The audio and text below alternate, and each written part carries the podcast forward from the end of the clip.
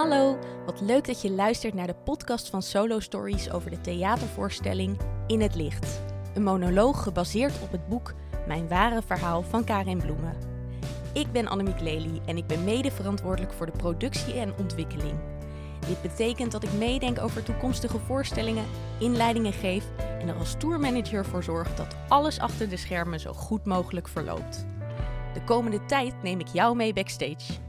Ik praat met de makers, ervaringsdeskundigen, samenwerkingspartners en anderen die met de thematiek van In het Licht te maken hebben. Veel luisterplezier! Wij maken met Solo Stories voorstellingen over thema's waar veel mensen het moeilijk vinden om over te praten in het dagelijks leven. Wij hopen dat een voorstelling als In het Licht kan helpen om dat gesprek juist wel aan te gaan. Afsluitend in deze podcastserie bij In het Licht praat ik met Karin Bloemen. En hoewel ik inmiddels al meer dan twee jaar weet dat we deze voorstelling gaan maken en me enorm verdiept heb in het onderwerp, merk ik bij mezelf toch ook echt een ongemakkelijkheid. Hoe open je een gesprek over iets waarvan je eigenlijk niet weet hoe je daar woorden aan moet geven? Nou, dat ging dus zo. Hallo. Kijk, dat, gaat, dat klinkt hartstikke goed. Zo Want waar we gaan jullie dit gebruiken? Nou, eh, dit is de podcast van Solo Story zelf. Ik heb negen podcasts al opgenomen. En dan is eentje bijvoorbeeld bij de videoclip. Dus daar heb ik meerdere mensen die erin zitten geïnterviewd. Iva Bicanic, eh, Mandy natuurlijk. ehm, Sarah Alois eh, Dekker, weet je, van Together We Rise. Oh ja. De Safe Space Club. Ik ben laatst bij Veilig Thuis geweest om te interviewen. En ik heb een première verslag gemaakt. En zo hebben we een soort van reeks. En eh, jij bent de afsluitende podcast. Voordat we... Nou ja, we zijn natuurlijk nu echt op tour. Ja. Maar ehm, ja, dit is voornamelijk zodat mensen ook wat achtergrondinformatie krijgen. Want wij denken altijd, ja, het zijn best wel heftige thema's ook die we dan maken. En nou ja, best wel. Het zijn gewoon hele heftige thema's. heel ik bedoel, ik ben het totaal aan het... is leuk. Ja, precies. Best wel heftig hoor. Ja, best wel. eh. Maar het is... Het is eh, Nou ja, ik, mag- vind vaak, ik vind ook vaak wel, als, je- weet je, als je, eh dit soort verkleinwoordjes ja. en bagatelliserende woorden kunnen heel heftig werken ja, voor ik mensen. snap het. Ja, ja, dat is heel gek, dat merk ik steeds weer. ja. Dus als je zegt, het is best wel een beetje heftig, dan denken mensen, zo, bedankt. ja. Mijn leven is naar de klote en jij noemt het best een beetje heftig. Dat ik is, eh, is een ja. dubbele ontkenning van de pijn of zo. Daar Ja. moet je dan altijd mee oppassen. Nou ja, Vind ik hoor, maar als, als dus voor luisteraars ook. Nee, maar heel goed dat je dat Ja. zegt, want dit is Ik een toch... oud wijf, ik bemoei al. Nou, als jij dit zo zegt, dan denk ik wel van... Het is voor mij, en dat voelde ik bij de première ook toen ik jou natuurlijk zag... dat het toch ook even zoeken is van hoe geef je jezelf een houding. En dan denk ik, alles wat ik zeg is volgens mij niet... eh, doet er, snap je wat ik bedoel? Dat doet er niet toe, want alles... eh, ik, Ja, ja, maar gek genoeg werkt het zo niet. Voor... Nee? Tenminste, ik merk altijd, de luisteraar, die, die vangt natuurlijk die vangt twee eh, klanken op. Weet je, en als de een te heftig is en de ander is te, te soft, dan gaat hij dus toch, eh, dat- dan, dan scheid je, zal maar zeggen, de, de intentie van de bedoeling of zo. Het is, Ja. het is, ik vind het zelf altijd heel intrigerend hoor, hoe het werkt. Met spreken en taal. Weet je, ik heb hier ooit een podcast gedaan met eh Fieke Opdam en toen hadden we het ook over taalgebruik. En dat zij, als ik elke keer als ik het woord verkracht of neuken zei, dan schrok ze zich helemaal. Toch, eh, niet te pletter is een groot woord, maar ze schrok. Gewoon omdat dat zo niet gangbaar is om die taal te gebruiken. Weet je, ik bedoel, ze, ze- mensen zeggen veel liever, eh, je was geschonden. En, en daar heb ik erg om gelachen. Dat toen werd zei ook een dominee natuurlijk, een pastoor. Dat ik echt dacht, ja joh, dat was het. Oh, ik ben geschonden. Voelde me, het was net een uitzending van de Dik voor elkaar film. Oh ja, weet je, het is zo bizar. En wat voel je dan op het moment dat je dat zo... Nou ja, dat, dat iemand dat op die manier zo zegt? Nou ja, je, je hoort in één woord dat hij niet weet hoe het voelt. En dat mensen geen idee hebben van de impact. Geschonden is niet het goede woordje. Dat is wat ik altijd zeg. En ik snap heel goed wat je zegt. Hè? Ik eh, ben zelf ambassadeur van Samen Sterk Zonder Stigma. Ik weet niet of je het kent. Nou ja, dat heeft te maken met het feit dat ik last van depressies heb. En sommige mensen kunnen dus ook dingen zeggen dat ik denk, oh, je hebt geen idee. Maar Ja. ik wil het niet vergelijken, want ik snap dat het echt iets heel anders is. Want bij jou is er heel duidelijk iets van buitenaf gebeurd, terwijl bij mij gebeurt het allemaal intern. Maar ik snap op een gegeven moment ook ergens wel dat mensen gewoon echt niet zo goed weten hoe ze de woorden aan moeten geven. Ja, maar woorden zijn natuurlijk een hele beperkt. Het is, Ja. het is een beperkt deel van onze communicatie. Ja. Maar ik ben natuurlijk ook heel gevoelig voor klank.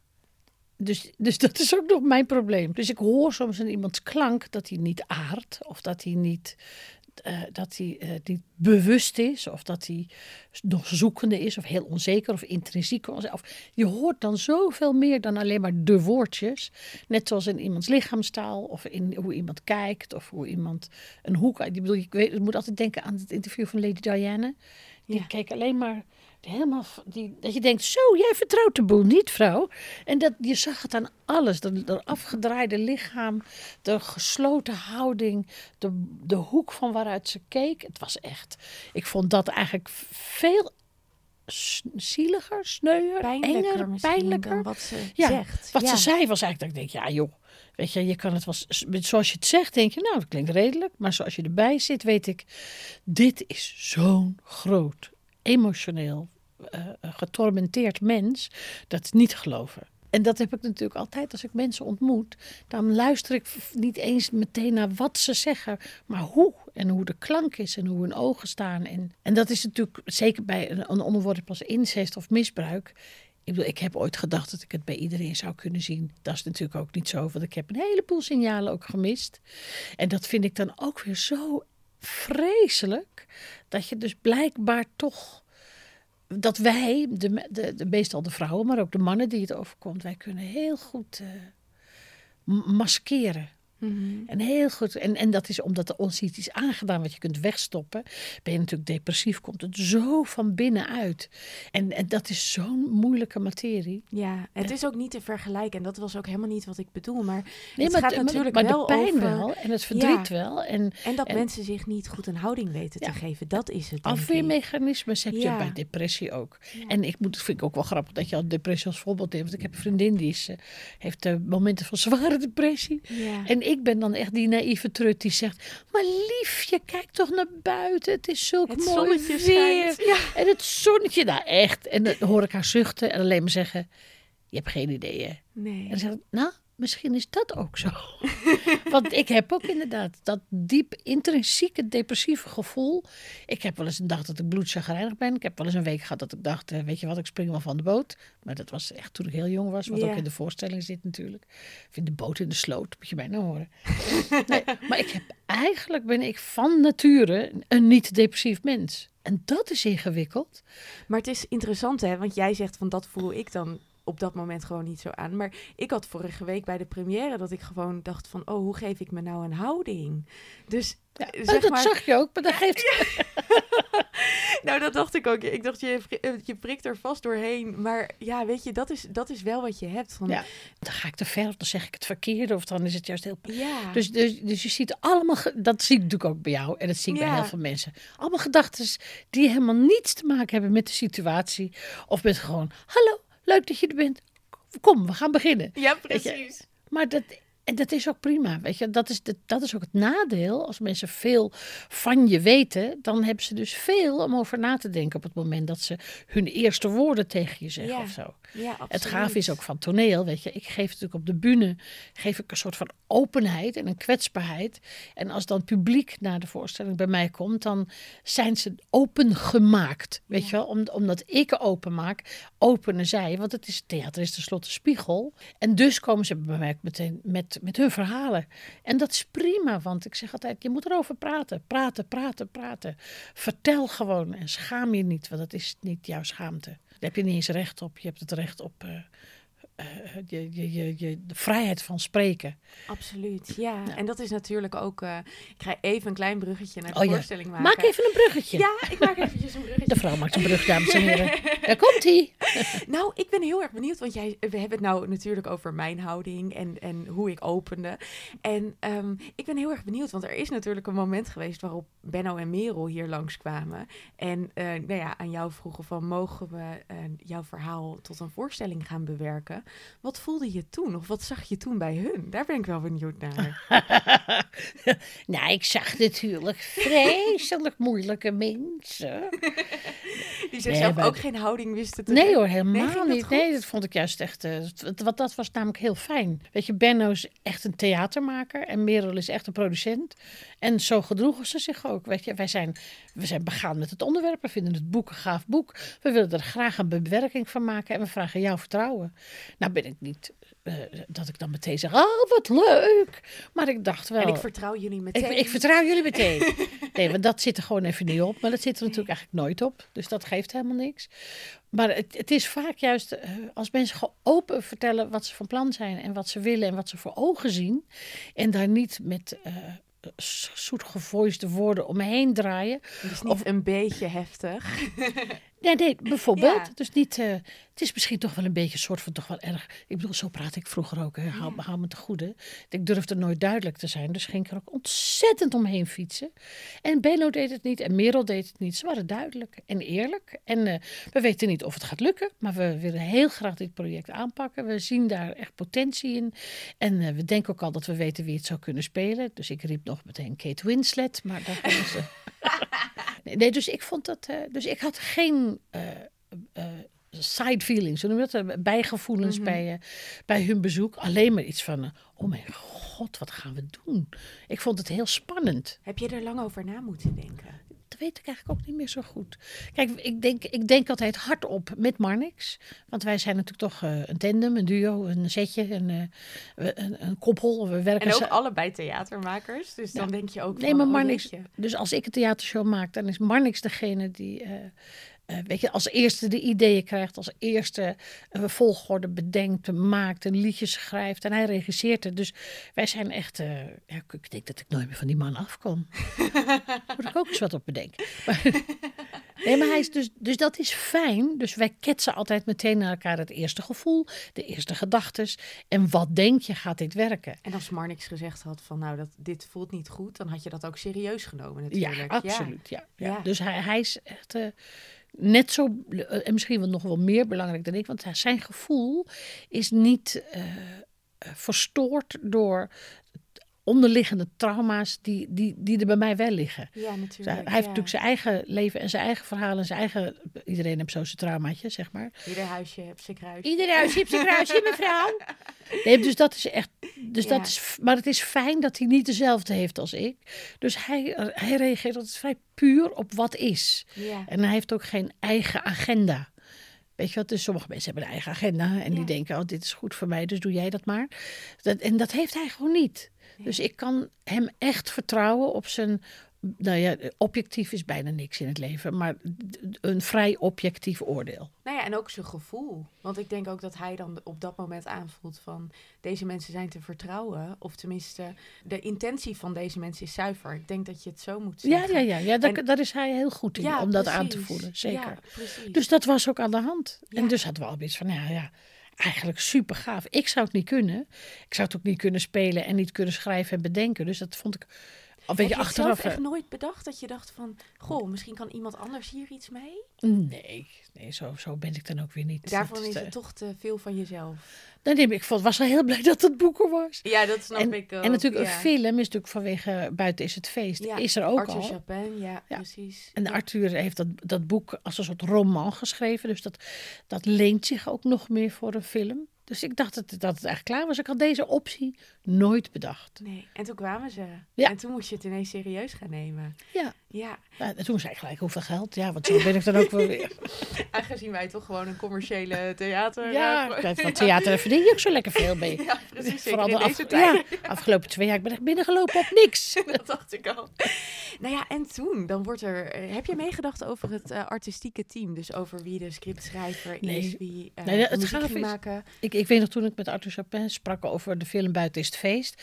Toen, toen zei hij van ja, je moet ook gewoon een beetje loslaten eh, wat, je, eh, wat je gemaakt hebt. Want je moet mensen de vrije hand geven.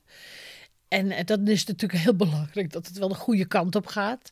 Want stel je voor dat de conclusie anders is, dan heb je toch echt een probleem. Dus ik wist gewoon, ik moet ook loslaten. En dat is mijn opdracht in het leven en dat is vrij lastig. Want je denkt, als ik het niet onder controle heb, dan gaat het fout. Want dat is natuurlijk, ja, dat ligt ook onderligt aan, aan het onderliggende trauma ligt dat thema. Daarom zijn mensen altijd bezig met controle en met OCD en met opruimen en met eten en met leven inrichten en angsten enzovoort enzovoort. Dus oké, dat moest ik doen. En ik vond het wel heel belangrijk om, zal maar zeggen, de eerste versie weet je, te lezen. Om te kijken, gaat, gaat het de goede kant op? Mhm. En dat, ja, dat klinkt dan ook zo, als, zo controlerend. Maar dat was heel fijn, want toen merkte ik ook, oh, het wordt echt iets heel anders. Het heeft echt een hele andere intentie dan, mijn, dan het boek. En tegelijkertijd, they nail it. Maar de keuzes moeten zij maken. Want artistiek en dramaturgisch inhoudelijk kan ik niet zeggen, ja, maar nou moet er dit gebeuren, anders klopt het niet. Want dat, daar gaat het niet meer om in theater. Maar ik vind het wel knap hoor, want je bent natuurlijk wel gewoon... Kijk, stel dat het zou gaan over, weet ik veel, het maken van een boormachine of uh, het maken van een microfoon of zo. Dat is iets, ja, daar, daar heb Tenminste, ik neem aan dat je daar geen verstand van hebt. Nou, daar zit je goed. Juist. Ja, nee, maar bij theater, dat ligt natuurlijk gewoon heel dicht bij jou. Dus ik kan me wel voorstellen dat je daar dan van alles van vindt. En dat je voor jezelf dan beslist van, ik ga toch afstand nemen. En ik ga uh, samen met Marnix natuurlijk, die voor jou daarin heel leidend is. Ga ik het proces proberen zoveel mogelijk los te laten. En op de juiste momenten inspringen. En dan zeggen van, goh dit voelt misschien niet zo goed. Dat, dat, dat lijkt me best een proces. Ja, maar als je mensen niet ruimte en vrijheid geeft, dan komt er niks. Mhm. En ik heb natuurlijk expres de vorige show van, uh, weet je, Solo Stories, hebben we gewoon gekeken op, op video. Dit is nieuw pijn, ja. Ja, en, en toen dacht ik, oh, dat is jullie vorm. En, en toen dacht ik, oké, totaal iets anders. Jullie vorm, dus heel duidelijk een gekozen manier om een verhaal aan te vliegen. Dus als het verhaal klopt en ze weten de hoofdlijnen, dan mogen ze het zelf invullen. En ook toen ze Ellen ten Damme vroeg, dat is natuurlijk heel grappig hè. Want wij zijn normaal van de liedjes en van de muziek. En, uh, dus ik dacht, in eerste instantie heb je zelfs iets van, nou, dat wil ik. toen dacht ik, nee Karin, laat het los. Want Ellen heeft juist door haar frisse blik kan iets vangen wat ik weer niet kan vangen. Want ik ben te inhoudelijk en zij kan er ook nog een bepaalde uh, luchtigheid aan geven, waardoor de voorstelling ook een beetje luchtig wordt. Ja, zij kan het thema iets meer loslaten wat dat betreft. Ik weet nog heel goed, wij zaten twee jaar geleden en dat was echt een week voordat we in lockdown gingen in de plantage. Kan je dat nog herinneren? Toen was oh, Ellen ja, er ook ja, ja, bij. Toen was Ellen erbij. Ja. was erbij. En dat was, nou ja, achteraf is dat voor mij zo'n gek punt, omdat het echt een week voor de lockdown, of misschien zelfs een paar dagen voor de lockdown ja, ja, was. was uh, en dat je denkt, oh ja, we zijn nu twee jaar verder. Maar ik weet nog ook dat je zei van, uh, dat je Ellen les gegeven hebt, toch? of tenminste, jij hebt ook wel wat dat betreft een band met Ellen. Nee, het grappige is dat ik toen Ellen auditie deed op de Academie voor Kleinkunst, zat ik in de aannamecommissie. Dat was het. En ik ik zag haar gewoon die auditie doen. En ik, wij, weet je, en dat je denkt met tekst, oh oké. En met zingen, oh oké. En toen, toen zei ze, maar ik doe eigenlijk, uh, zit ik op turnen. En, oh. toen, en toen zag je bij haar ook iets aangaan, wat dan heel gaaf is om te zien. Dat je opeens iemand ziet stralen en shinen. En iets zo vol overtuiging, zo beheerst, boven de materie staand uitvoeren. Dat ik dacht, dat komt helemaal goed die vrouw, als ze dit kan, dit moet je ook leren. Dat is gewoon, en dat is, heeft een fysieke intelligentie, weet je, die heb je daarvoor nodig. Maar natuurlijk ook een bepaalde uh, uh, de andere intelligentie, een geestelijke intelligentie of intellectualiteit. Dus ik, uh, ik zei, nou, dat is geen enkel probleem. Die vrouw die komt er wel. En het gave is, dat heeft ze ook bewezen. Zo, zo jong als ze toen was en zo volwassen vrouw als ze nu is. Die hele loopbaan, die is echt heel langzaam. Dus zij had alle disciplines op de goede plek. En dat heeft ze gewoon in de, in de carrière en in de leven heel goed opgepakt. En je had ook niet gedacht dat, nou ja, laten we zeggen, hoeveel jaar zijn we later? Dat dan ineens zij de muziek gaat schrijven voor de voorstelling. Ja, ik, ik begon les te geven op mijn 27ste, dus dat is nu een jaar geleden. dus, dat is, dus zij komt van ver en ik natuurlijk ook. En ik heb, wel, ik heb wel een paar keer les gegeven, maar, maar zij had al heel snel een filmcarrière. En uh, ze werd natuurlijk meteen gevraagd, want je ziet haar en je denkt, oh, die wil ik hebben, die moet ik hebben, die kan het, die kan het. En ze kan het ook. En dit is dus heel leuk, omdat het, dit is een discipline erbij. Dat je, uh, weet je, je moet toch proberen een overgang te vangen of een verhaal te vangen in een liedje. Dus bijvoorbeeld dat laatste liedje, weet je dat, was, dat is dan echt helemaal op zijn kop. En het is dan zo gaaf dat Lisse dat ook nog zelf kan spelen op de toetsen. En dat ze ook nog de, inhoud en het gevoel over weet te brengen. Dus dan komt mijn vak en het vak van Ellen en het vak van Lisse. Alles komt dan samen bij elkaar. Want hoe was het voor jou om de muziek voor het eerst te horen? Kijk, het laatste nummer is natuurlijk in de voorstelling ook nog heel anders dan op de CD. Dus ik kan me ook zo voorstellen dat je het hoort en dat je denkt van goh, maar hoe gaat de interpretatie zijn? Oh ja, nee, ik heb nooit gedacht, nagedacht over de kunde of zo. Ah, ja. Van hoe gaan ze het. Want dat, dat Lisse kan acteren, dat was, dat was duidelijk. Dus kan ze ook het in een liedje. Dat kan niet anders. En, eh, maar het is meer, weet je zelf, je, je, eigen gevoel gaat natuurlijk alle kanten op. Ik bedoel, de eerste keer bij de try-out, toen ik, het, toen ik de voorstelling zag. eh, weet je, als je het leest, heb je toch weer bepaalde afstandelijkheid. Want dan is, dan is het visuele aspect weg. Door, de, door het visuele eh, word je er veel meer ingezogen. En door het persoonlijke van Lisse. Dus de eerste keer eh, zat ik gewoon heel technisch te kijken. Oh ja, mooi. Oh goed. Oh slim. Oh ja, dit. Oh ja, nee, tuurlijk. Ja. En opeens toen zei, en toen kwam dat stukje van, eh, ik, ik ben niet Karin Kuit. Toen dacht ik, oh ja, fok. Het gaat over mij. Is heel- dat dan dat je je naam hoort of dat je op Nee, dat dat moment je gewoon echt gespiegeld wordt? Nee, dat wordt gespiegeld. En eh, omdat die naam natuurlijk gezegd werd, dacht Ja. ik opeens, realiseerde ik me, het gaat over mij. Dit ben ik. Ja. Ja, ja. Dus je kunt, ik, ik kan natuurlijk heel lang mezelf ook eh, emotioneel een beetje afsluiten door, een, door de vervorming van de theaterkijker als theatermaker. En eh, toen dat binnenkwam, dacht ik even, oh, oh ja, of het, eh, oh, viel het helemaal stil in mijn hoofd. En dan eh, hoor ik alleen maar nog een zoom. En denk ik, niet huilen, Ka, het is al zo lang geweest. Dan ga ik mezelf een beetje corrigeren. Maar dat vond ik heel gaaf, want dat emotioneerde mij dus. Ja, want ik kan me voorstellen dat je inderdaad zeker op zo'n moment het niet toe wil laten. Maar hoe voelt het nu voor jou om dit te zien en om dit... Nou, je wordt toch weer... Ik kan me voorstellen dat je hier elke dag mee geconfronteerd wordt. Ik weet niet of het zo is, hè. Ehm, omdat het inmiddels natuurlijk al wel wat langer geleden is. Maar nu, door een voorstelling als dit, word je er toch weer vaker ook mee geconfronteerd. Ja, en maar dat is ook omdat ik ervoor gekozen heb. Ik heb uh, laatst uh, in een interview heb ik ook gezegd, weet je, ook in het parool, weet je, ik wilde natuurlijk niet tijdens het begin van mijn carrière uh, Karin Incest Bloemen worden, want dat vond ik, uh, dat vind ik ook een stoorzender of zo uh, naar het publiek toe. En het is ook niet het, het, maakt misschien onderdeel uit van wie je bent, omdat het je geschiedenis is, maar het is niet wie jij bent. Nee, nee, nee. daarom. Dus ik wilde heel graag dat dat uh, label eraf ging. Nou, dat is je goed gelukt. Dat is me goed gelukt, hè? ja mensen. ja. uh, maar ik realiseer me, naarmate ik ouder werd, ook... Het is niet iets wat je gewoon kunt afschudden en dan is het niet. Het is iets wat je altijd bij je draagt. En dat is, dat is een, een nare boodschap als ik dat aan, aan jonge mensen vertel. Maar het is ook een, een, een, een positieve boodschap, want ik ben er nog. Dus blijkbaar uh, is het net zoals een, een, een wond een litteken maakt. Daar vergelijken de meeste mensen het natuurlijk ook mee. En ook het litteken herinnert je ook aan hoe sterk je bent. En waar je kracht ligt. En je weerbaarheid. En je, uh, je resurrection, hoe noem je dat? Je, je, je weer, weer ja, op je poten staat en dat je dat zelf gedaan hebt. Dus je trots mag je er... Ja, dat, dank u wel. ja, dat, nee, maar dat is het woord wat wij... Ik die vinden.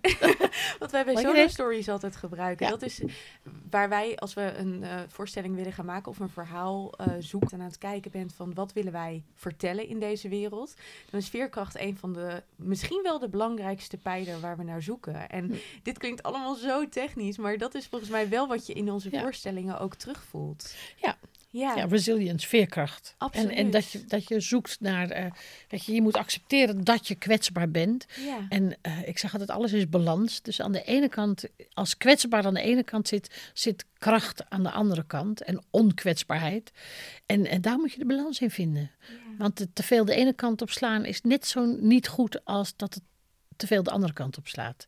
Absoluut. Nou, precies ja. in het midden, weet je, die balans, en dat is natuurlijk ook bijna een zen-boeddhistische houding, die als, als dat je lukt in je leven, helemaal te gek. En dat is ook wat, je, nou ja, wat wij willen meegeven. Maar ik vind het zo mooi, want we hebben nu een paar voorstellingen gehad natuurlijk naar de première. Hm. Maar ik sta na afloop altijd even in de foyer, ook omdat wij het heel belangrijk vinden dat, dat je mensen niet alleen maar achterlaten mee. Dat als, soms komen mensen echt alleen naar de voorstelling en dan vind ik het heel belangrijk dat ze iemand kunnen vinden om mee te praten. Ja. En ik vind het zo mooi dat we dat ook echt wel terugkrijgen. Dat de meeste mensen, hoe zwaar het ook is, en zeker ook als mensen het zelf hebben meegemaakt, in um, Wassenaar afgelopen week, of dat was nog voor de première, dus dat was twee weken geleden, was er iemand en die had het zelf meegemaakt en die kwam even naar me toe. Die was wel samen met haar partner, dus dat, uh, dat was wel fijn, maar ze voelde gewoon echt de behoefte om even te praten. En toen zei ze, ja, ik ben niet verdrietig nu. En dat vond ik eigenlijk heel mooi om te horen. Ze zei, ja, ik voel juist ook inderdaad, nou ja, dan komen we weer bij het woordje veerkracht, maar oké, dit is mij gebeurd. Maar net als wat ik hier aan het eind van de voorstelling zie, ik ben er nog. Precies wat jij zegt. En dat, dat, nee, dat ontroert mij op zo'n moment ook heel erg. kan gebeuren. We hebben een beller. Ja, zegt u het maar. Sorry hoor. Nee, dat geeft niks. En dat is ook waar, waarvan ik weet dat Benno en Lisse daar enorm op ingezet hebben. Ik ga toch weer een bruggetje maken. Sorry, Karin. Maak maar een brug, hoor, schat. Jij hoorde op een gegeven moment van... nou, wij willen heel graag Lisse voor deze voorstelling hebben. Kende je Lisse al? Nee, want het grote voordeel van mijn leven is dat ik behept ben met nul informatie. Dat is heel goed. Dus ik praat volledig van out of the blind. dat is ook zo'n lelijke zin, is dat. Ja, nee, ik dus heb ook al hele rare dingen gezegd. Ja, gelukkig, gelukkig. Dan staan we gelijk. nee, maar, maar, het is natuurlijk heel... Want ik, dat is echt, echt... Ik, ik heb natuurlijk toen ik... Uh, voor de lockdown was ik alleen maar aan het spelen. En dat is eigenlijk al mijn hele carrière. Want ik, volgend jaar werk ik 40 jaar.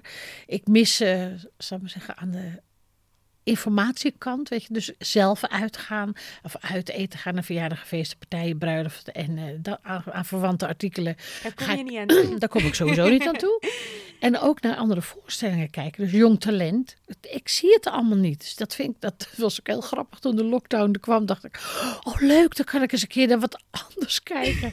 En toen kon dat ook niet. Nee, natuurlijk niet. dat je ook met de binnen een seconde realiseert, oh nee, dat zit er ook. Uh, ik kan dus het is echt heel stom. Ik kende Lisse niet en ik kende uh, Benno alleen van naam, omdat iemand anders ooit een keer met hem gewerkt had, maar heel vroeger. En uh, dus ik moest mij volledig uh, laten verrassen.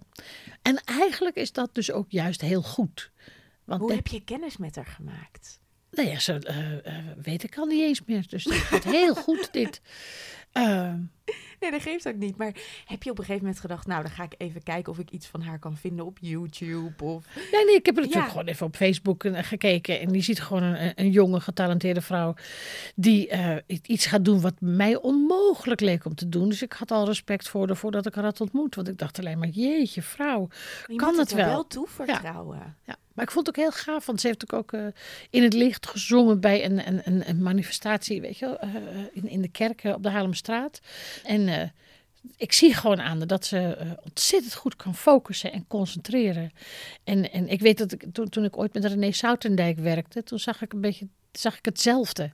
Weet je, ze kon ze een beetje kletsen, kletsen, kletsen. En dan zie je oké, take 25. En je zag haar naar binnen gaan, concentreren en gewoon het ding goed doen. En toen dacht ik, oh, die hebben echt een heel ander leven geleid dan ik. Want op dat is natuurlijk ook met een trauma. Vaak als je gaat concentreren, dat is hetzelfde gevoel. Als, weet je, je moet naar binnen. Je moet, je moet je focus zoeken. En dat is de engste plek om te zijn, omdat daar ook je, daar zit weet je, een deel van je angst en je trauma en je, en je vlucht. Dus ik merkte bij René Sout en ik, oh, dat heeft zij gewoon niet. Zij kan gewoon volledig erin en dan weer volledig eruit, want het is niet getroubleerd, het is niet gecorrumpeerd.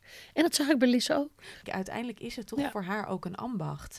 En dat is ook haar redding, denk ik, op een oh, nee, me enorm. Ja. Dus ik vroeg gewoon even zo en passant van, uh, uh, weet je, het is, komt je vader en wat doet je vader? En, en zij zei ook, ja, ik heb gewoon een hele gelukkige, leuke jeugd gehad met een ontzettend lieve, ondersteunende vader. En weet je, niks, zit geen trauma in, in, in de jeugd. Ja. Mensen die zeggen, ik heb gewoon een hele fijne jeugd gehad. Wat als het wel zo geweest was? Had je dan iets gezegd op zo'n moment?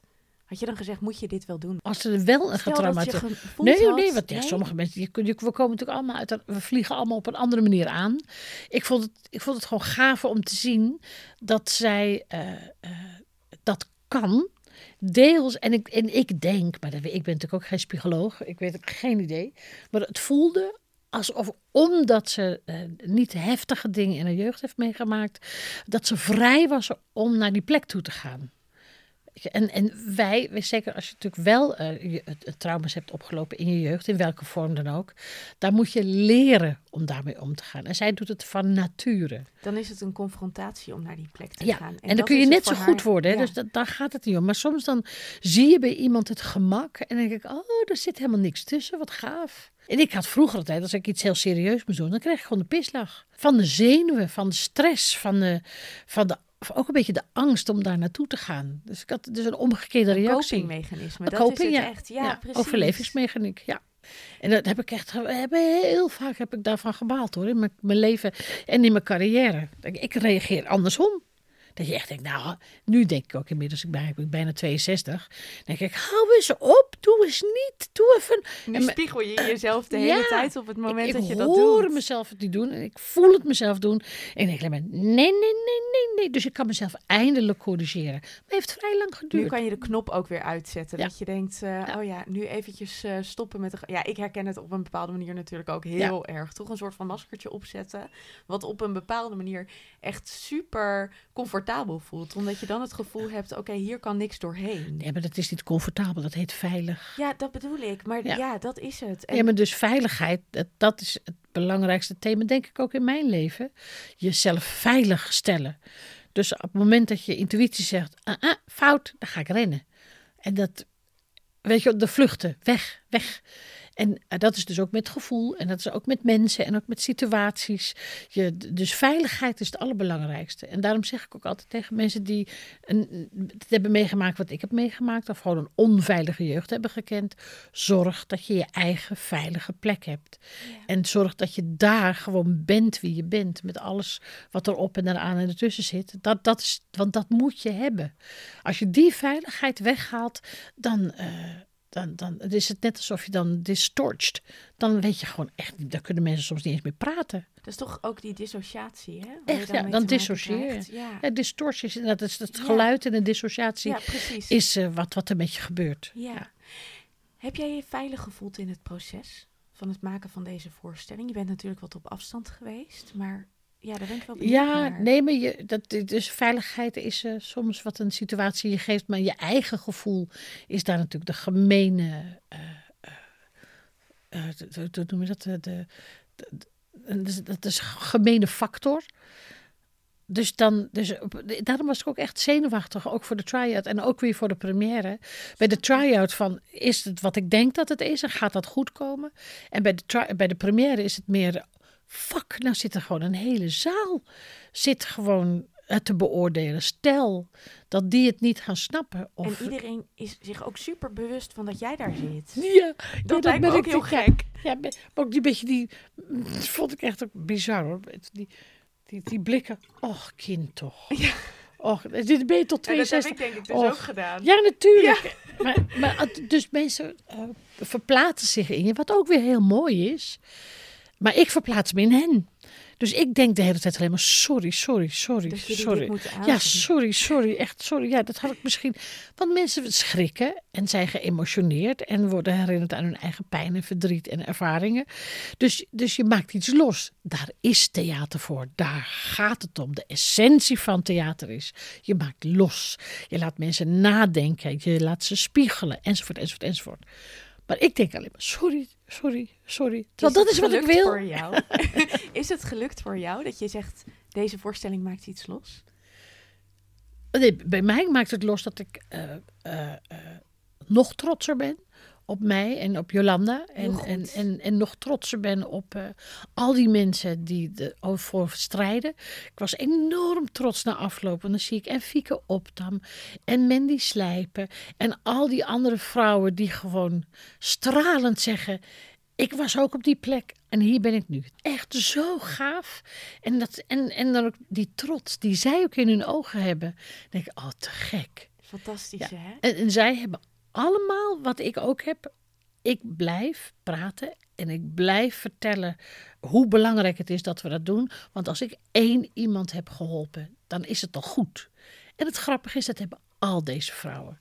En helemaal super natuurlijk dat Mariette Hamer na afloop uh, zei: Ja, ik, ga, ik, ik ben aangewezen om op dit departement te zitten. En ik wil heel graag met jullie allemaal, weet je, praten. En wij echt, oh, kijk, dan heb je dus, dan gaat het dus echt over eh, belangrijke stappen in onze maatschappij om dit te tackelen met ja, z'n allen. absoluut. En dat, Ja. dat je over wetgeving gaat praten, over strafmaat gaat praten, over signalering, over behandeling, over verwijzing. Over...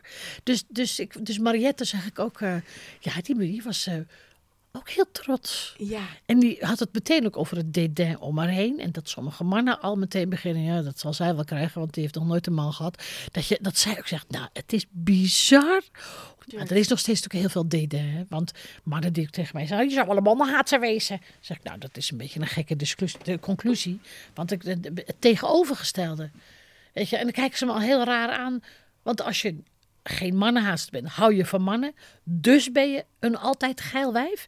Er zit een soort logica in denken. Nou, daar kan ik gewoon echt niet bij. Nog steeds niet. Weet je wat wel echt heel interessant was? Lisse die zei eh, de volgende dag nadat ik haar sprak naar de première, ze zei: Ik heb van zoveel vrouwen gewoon echt zoveel liefdevolle en warme, maar ook hele krachtige woorden en eh, letterlijke knuffels ook gehad. En ik denk dat heel veel vrouwen.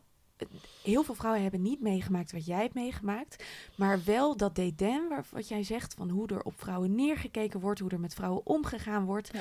Dat eigenlijk iedere vrouw daar wel iets in herkent. En ik, dat, dat was wel, wel ook het gevoel wat ik op de première heel erg had. Dat ik dacht, we zijn hier ook als vrouwen aan het verzamelen en zeggen, dit kan niet meer. Dit is nu gewoon klaar. En wij zijn ook sterk.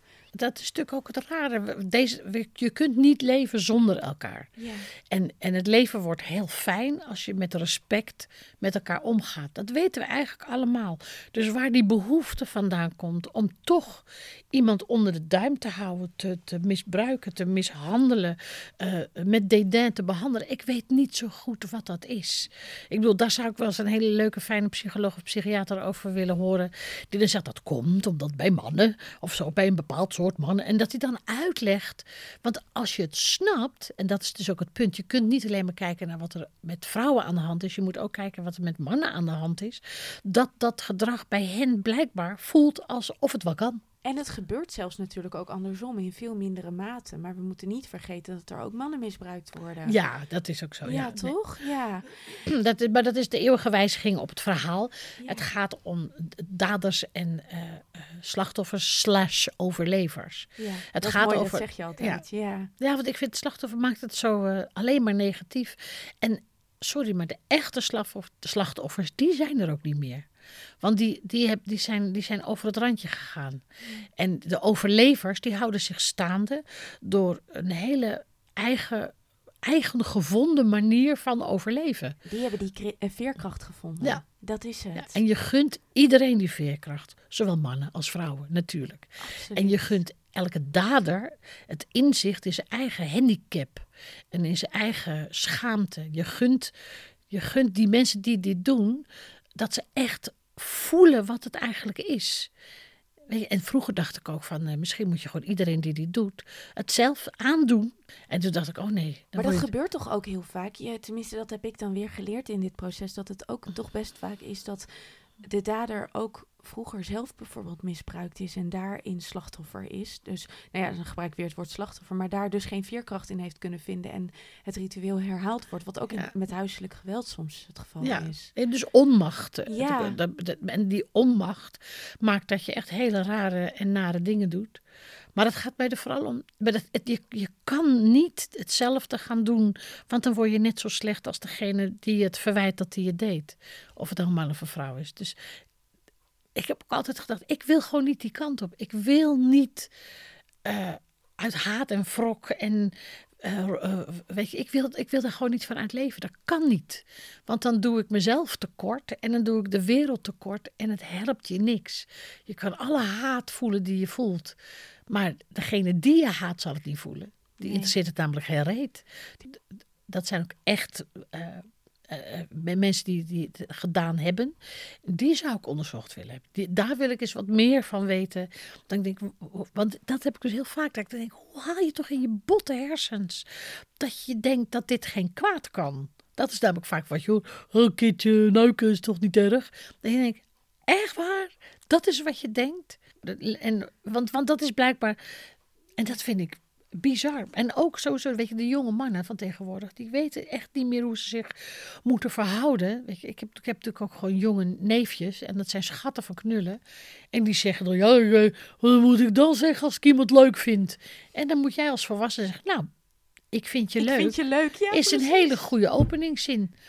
Weet je, Super schattig, toch? Ja. Ik bedoel, ook als dat gezegd wordt, ja, schattig is nu meteen weer zo alsof ik het Ja. negeer. Ja, precies. ja, maar, dat is alweer gevaarlijk. maar dat is dus het erge. Dat eh, besef ik mij gewoon gedurende dit proces ook heel erg. En ook wat er op het moment natuurlijk allemaal rondom de voice en zo is.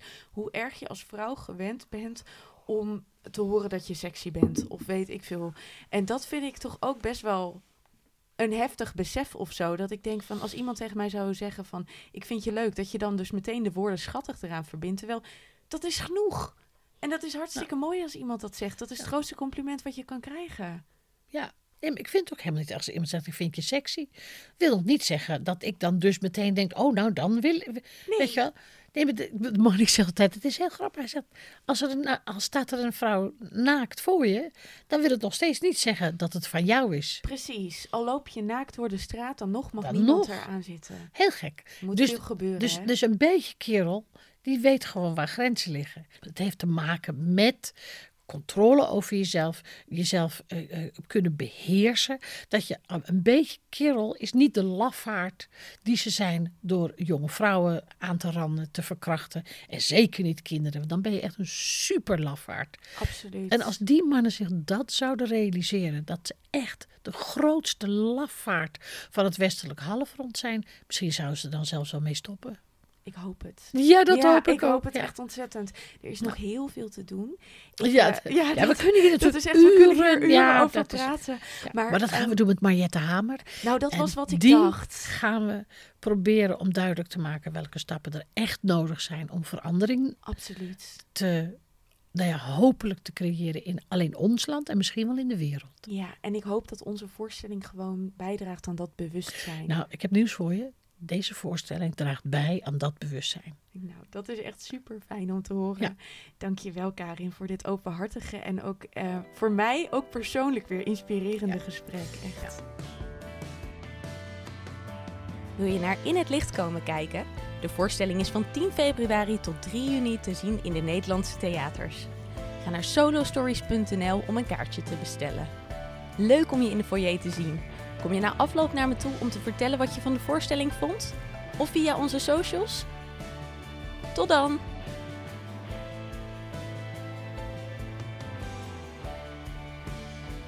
In het Licht wordt mede mogelijk gemaakt door Fonds Podiumkunsten, Lira Fonds, Norma Fonds en de Ja Niveau Stichting.